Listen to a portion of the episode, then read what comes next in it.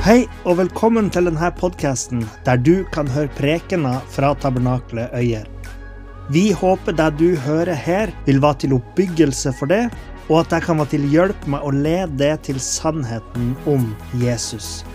Hvis du ønsker å finne ut mer om oss, kan du gå inn på hjemmesida vår på tabernakletoyer.no.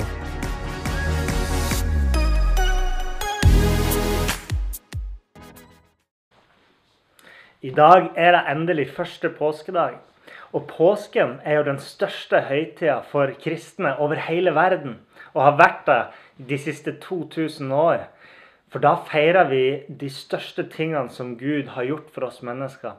Nemlig at eh, Jesus døde på korset og bar på seg alle menneskers synd, sykdom, sånn at vi kan få lov til å gå fri.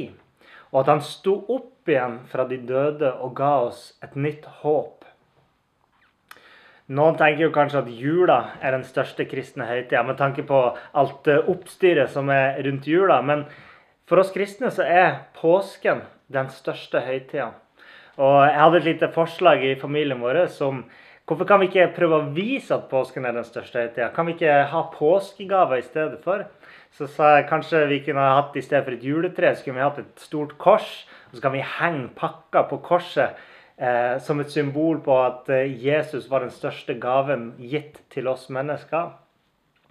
Men før det ble, en, eh, ble noe mer seriøst ut av det, så ble forslaget nedstemt i familieråd. eh, Der blant oss to voksne i familien så, så eh, var det to stemmer mot én, da. Så det ble ikke mer ut av det. Men i dag så feirer vi Jesu oppstandelse. At Jesus virkelig sto opp igjen fra de døde. Og Man kan lese i Bibelen om hvordan eh, noen kvinner kom til Jesu grav og fant at graven var tom. Og Der ble de møtt av noen engler som fortalte at Jesus han har stått opp igjen. Og de her Kvinnene de løp tilbake til Jesu disipler og fortalte det de hadde sett. Og Samme dag så var det noen av disiplene som var på vei til en liten landsby som heter Emmaus, som lå noen kilometer utenfor Jerusalem. Og eh, I Lukas 24 så leser vi hvordan de her var i villrede. Eh, de var eh, i sorg. De var usikre på, på framtida. Eh, de var usikre på hva det var de egentlig hadde satt sitt håp i når de stola på at Jesus var den han sa han var, at han var Messias, at han var Kristus, at han skulle være en konge for jødene. Og Mens de her to eh, disiplene vandrer til Emmaus, så møter de en fremmed langs veien. Og Det står om det her i Lukas evangelium kapittel 24. Og eh, denne fremmede som eh, kommer og møter disiplene, han sier til dem Hva er det dere går og snakker med hverandre om på veien, og hvorfor ser dere så sørgmodige ut? Og eh, denne ene disippelen, som heter Kleopas, han sier til denne fremmede Er du den eneste fremmede i Jerusalem, og har du ikke fått kjennskap til alt det som har skjedd i disse dagene? For alle i Jerusalem, der Jesus ble korsfesta, hadde fått med seg alt oppstyret rundt Jesus og, og rettergangen og korsfestelsen. Og han eh, fremmede sa til dem, 'Hva er det?' Og da sa de til ham, 'Alt det som har hendt med Jesus fra Nasaret, en mann som var en profet, mektig i gjerning og ord for Gud og hele folket.' Og hvordan øversteprestene og rådsherrene våre overga ham til å bli dømt til døden og korsfestet ham. Og så forteller de noe om hva Jesus betydde for dem. Men vi håpet at han var han som skulle forløse Israel. Dessuten er det i dag den tredje dagen siden alt dette skjedde. Ja, og noen kvinner iblant oss som kom tidlig til graven, har oppskaket oss. De hadde ikke funnet kroppen hans, men kom og sa at de hadde sett et syn av engler som sa at han lever. Noen av dem som var sammen med oss, gikk da til graven og fant det nøyaktig slik som kvinnene hadde sagt. Men ham, altså Jesus, så de ikke. Og jeg elsker denne historien her. For den er så realistisk. Den gir oss et så troverdig bilde på hvordan det ville vært for de her disiplene som nå bare hadde hørt kvinnene som hadde vært ved graven og funnet den tom, eh, og som ikke skjønte alt det som hadde skjedd. Hva hadde skjedd med Jesus? Og, eh, og da sier Jesus til dem hvor uforstandige dere er, og trege av hjerte til å tro alt det som profetene har talt.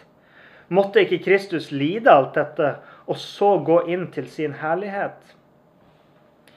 For tidligere, tidligere, i Lukas så kan vi lese om hvordan Jesus underviser disiplene sine om de her tingene som skulle skje i Jerusalem. Men Lukas han sier òg at de hadde nesten som et slør over øynene. Ting var skjult for dem. De forsto ikke alt Jesus mente når han sa at han skulle dø og gjenoppstå. Og når Jesus sier det her, for Jesus var den fremmede som gikk på veien. Og da sier han det her, da står det det her Idet han begynte fra Moses og fra alle profetene, utla han for dem alt det som er skrevet om ham i alle skriftene. Og Det betyr at Jesus begynte å gå gjennom Det gamle testamentet sammen med de her disiplene. Og begynte å undervise dem om hvordan alle skriftene i Det gamle testamentet peker framover mot Jesus. Peker framover mot Jesus Guds Messias, som skulle gjøre alle de tingene som Jesus hadde gjort. Og når de nærma seg denne landsbyen Emmaus, så ønska ikke disiplene at denne fremmede skulle gå fra dem. Så de inviterer han til å bli med dem inn. Og der så har de måltid sammen. Og det står at når han bryter brødet og gir det til dem, så blir øynene deres åpna. Og de kjente han igjen. Og så blir han usynlig for dem. Og da sier de til hverandre Brant ikke hjertet vårt i oss når han talte med oss på veien, og når han åpna Skriften for oss? De skjønte at den fremmede de hadde møtt på veien, var Jesus. Og de hadde kjent en sånn brann inni seg, en sånn nærmest ubeskrivelig følelse når Jesus hadde begynt å fortelle sannheten om det Bibelen hadde fortalt, det profetene hadde skrevet hundrevis av år tidligere om Jesus Vi er litt som de her to vandrerne på Emmausveien, de her to disiplene som var i villrede. Ofte så, så ser vi bare deler av bildet. Og mange av oss Veit sånn cirka hvorfor vi feirer påske. Veit sånn cirka historien om det som skjedde. På samme måte som de her disiplene, de visste jo hva som hadde skjedd. Og de sa jo til den fremmede 'Har du ikke hørt de her tingene som har skjedd?' Og jeg tenker at mange vil si det samme. liksom, 'Hvorfor feirer vi påske?' Jo, men har du ikke hørt det? Har du ikke hørt at vi feirer eh, at Jesus døde og sto opp igjen? Men kanskje man ikke tror det. For kanskje man ikke har fått øynene sine åpne. Kanskje man ikke har kjent en brann i sitt hjerte når man hører Bibelen bli utlagt for seg, når man hører Jesus tale inn i livene våre. Men Jesus har virkelig stått opp igjen. Og han er levende. Og han er levende til stede i verden i dag gjennom sin hellige ånd. Når Jesus reiste opp til himmelen, så sendte han ned sin Hellige Ånd. Eh, det står som pant på vår arv. Det betyr at han er ikke her med sin fysiske kropp lenger, men han er til stede sammen med oss ved sin ånd. Og ved Hans Hellige Ånd så har han mulighet til å tale rett inn i våre hjerter. Han har mulighet til å, når vi leser Skriften, å gjøre det levende på en måte som vi kanskje ikke kan beskrive med våre ord. Men der vi kan si, som disiplene sa, er det ikke noe som brenner i våre hjerter når vi leser de her ordene. Og Jesu oppstandelse er det som gir den kristne håp. Og Paulus sier det her i 1. Korinterbrev kapittel 15. Og hvis ikke Kristus er oppstått, da er vår forkynnelse uten innhold, og troen deres er også uten innhold. Hvis Kristus ikke er oppstått, da er troen deres til ingen nytte. Da er dere fortsatt i deres synder.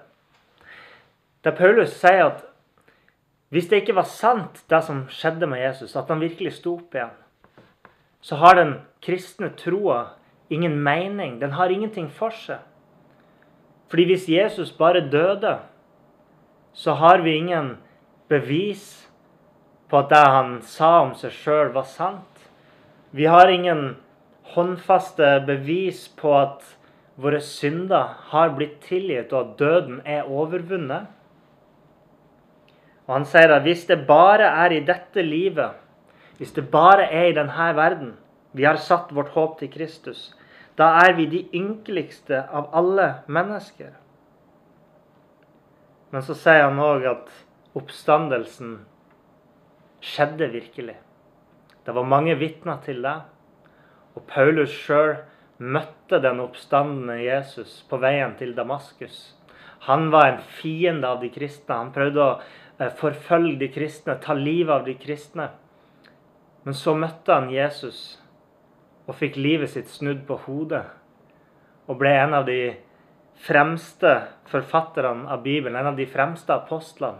En av de mest påvirkningsfulle tenkerne eh, og teologene i menneskets historie. De aller fleste historikere som har studert Jesus og hans liv, vil være enig i påstanden at han døde på korset. Men noen av de vil ikke tro på oppstandelsen, rett og slett fordi at de òg har et slags slør foran øynene. De har blitt blinde av noen filosofiske feilslutninger som de har tatt eh, på forhånd. Men mange historikere og teologer og filosofer og milliarder av mennesker har fått øynene sine åpne for sannheten om at Jesus virkelig har stått opp. Og Derfor så har jeg lyst til å be det i dag om at du òg strekker dine hender ut til Gud og ber Han om å åpne dine øyne.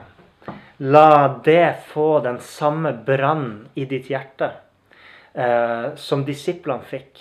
Og du òg får lov til å se sannheten i Guds ord om hvem Jesus var, og hvem han har gjort for det. Må Gud beskytte fra det, det onde som skjer rundt oss i denne tida. Og må Gud vise deg omsorg og ta seg av det i alt som er vanskelig. Og gi deg styrke i Jesu navn. Amen. Takk for at du hørte på. Hvis du tok et steg i tro i dag, eller du har noe du ønsker forbønn for, så vil vi gjerne høre ifra det via e-postadressen kontakt alfakrølltabernakletOier.no. Du er òg velkommen til våre ukentlige gudstjenester i menighetslokalet i Haugskutua 5 26 36 Øyer.